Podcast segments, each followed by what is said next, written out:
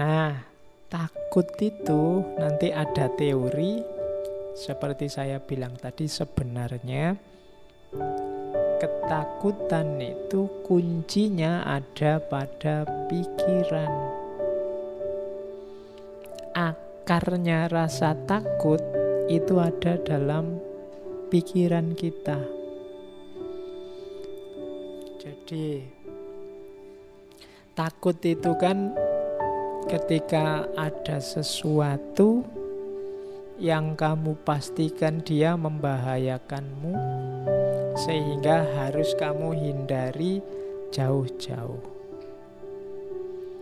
Kamu menganggap bahwa sesuatu itu sangat berpengaruh dalam hidupmu, bisa mengganggumu. Nah, itu kan adanya dalam pikiran. Kamu takut tidak punya uang. Kenapa? Karena menurutmu uang itu sangat penting.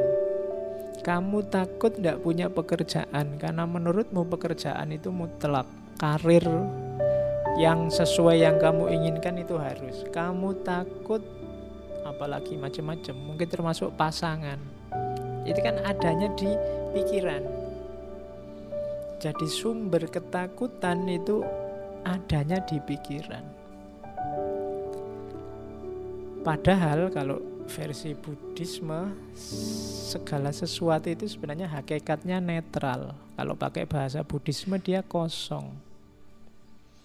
Penting tidaknya maknanya baik atau buruk itu pikiran kita yang mengolah.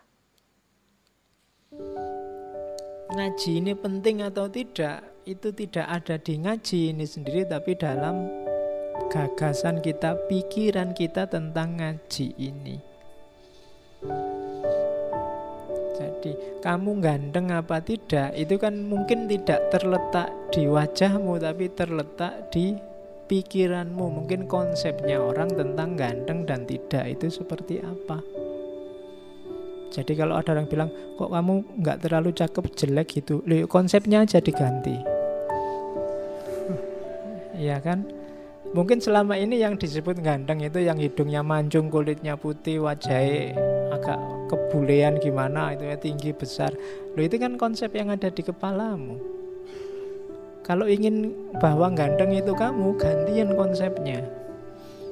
Itu kan konsepnya bapak. Kalau menurut saya ganteng itu yang kecil, pesek, kemudian rambutnya keriting, ya kan adanya di pikiran. Cantik juga begitu menyenangkan atau tidak juga begitu, bahkan penting atau tidak juga begitu. Kuncinya di pikiran, termasuk ketakutan. Gitu Hujan itu cuma air. Dia jadi membahayakan atau tidak, itu ya konstruksi berpikirmu yang menanggapi hujan. Tsunami ya tsunami aja dia peristiwa alam. Kamu tanggapi dia jadi adab apa dia itu adalah ujian apa dia itu. Lo itu kan pikiranmu yang menanggapi, yang membaca, yang membunyikan. Jadi hidupmu itu maknanya ada di pikiranmu. Harapan-harapanmu dan ketakutan-ketakutanmu adanya di pikiranmu maka berpikirlah yang sehat. Kuncinya hidupmu itu ada di pikiran. Hidup bahagia itu, Pak. Uang banyak, istri cantik, rumah besar. Nah, itu kan versi yang ada di kepalamu sekarang. Ada loh justru orang yang merumuskan hidup bahagia itu tidak punya apa-apa, tidak terikat apa-apa, tidak tergantung apa pun, hidup bebas. Loh ada yang begitu. Dari mana itu muncul di pikirannya? Jadi termasuk rasa takut itu kuncinya ada di berpikir. Kalau kamu berpikirnya salah, ya lahirlah ketakutan-ketakutan yang tidak rasional tadi. Jadi maka aturlah cara berpikirmu tanggapi segalanya secara sehat awas keliru gitu loh jadi teori pertama itu, rasa takut itu hubungannya dengan pikiran. Tak kasih contoh ya. Ada kisah terkenal sekali kalau di barat namanya kisah katak kecil. Little Frog. Ini biasanya diceritakan ke anak-anak TK. Kalian tak anggap TK dulu sementara. Jadi satu ketika ada rombongan katak kecil. Hari ini kan populer sekali cebong itu ya. Cuma mau tadi mau tak tulis kisah cebong itu nanti tersinggung kalian. Oke, yo ini kakaknya cebong lah, percil. Ah, ya. Jadi nanti kalau ada yang ngomong kalian kamu cebong ya? Oh naik kelas sedikit sekarang jadi percil. Ini kisah percil kisah kata kecil. Jadi satu ketika ada percil sekelompok percil yang melakukan lomba. Lomba naik gedung nah, terus karena ini unik ada percil yang naik gedung terus penontonnya banyak ingin ngerti nanti juaranya siapa. Nah, waktu hari H yang nonton banyak, supporternya banyak, teriak-teriak. Terus dimulailah lomba itu. Tapi penonton ini begitu lihat gedungnya, wah gedungnya setinggi itu, percilnya kecil-kecil apa ya? Bisa. Nyampe puncak maka penontonnya ya komentari macam-macam. Komentatornya banyak wah ndak mungkin itu bisa. Ndak kuat gak wong percilnya kecil-kecil gitu apa ya bisa? Supaya teriakan-teriakan itu banyak. Ndak mungkin sampai puncak. Ndak akan ada yang bisa mencapai puncak. Sekuat apa pun kata-kata itu ndak akan bisa mereka sampai ke puncak. Sulit lah mustahil lah ndak mungkin lah teriak-teriak gitu. Percilnya yang naik ya bener akhirnya ada yang jatuh satu demi satu ndak kuat satu demi satu ndak kuat. Hanya ada satu percil yang orang teriak apa saja nggak peduli dia naik terus pelan pelan naik.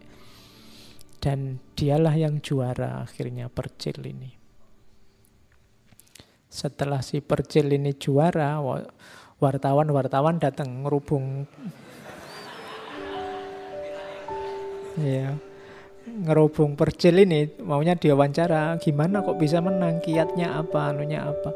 Tapi diwawancara percilnya diam aja cuma tolah-toleh aja. Akhirnya diketahui ternyata percilnya ini tuli. Jadi dia ndak denger jadi waktu orang teriak-teriak ndak mungkin ndak bisa sekuat apa pun ndak akan mampu dan sebenarnya dia ndak denger pokoknya dia jalan aja.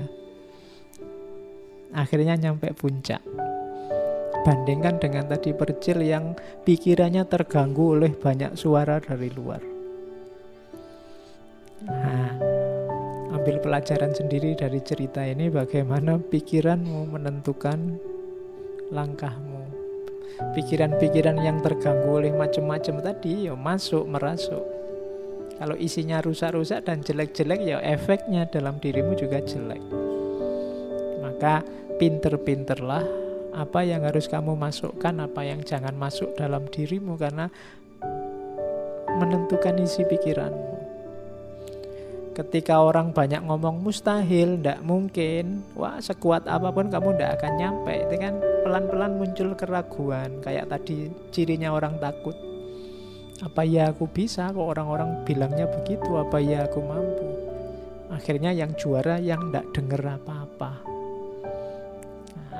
Hari ini kan kamu dengar macam-macam, baca macam-macam banyak, pikiranmu mesti kacau. Kamu tidak tahu mana yang baik, mana yang buruk, mana yang asli, mana yang palsu hari ini. Kenapa? Terlalu banyak yang masuk. Latihanlah jadi tuli. Sedikit-sedikit.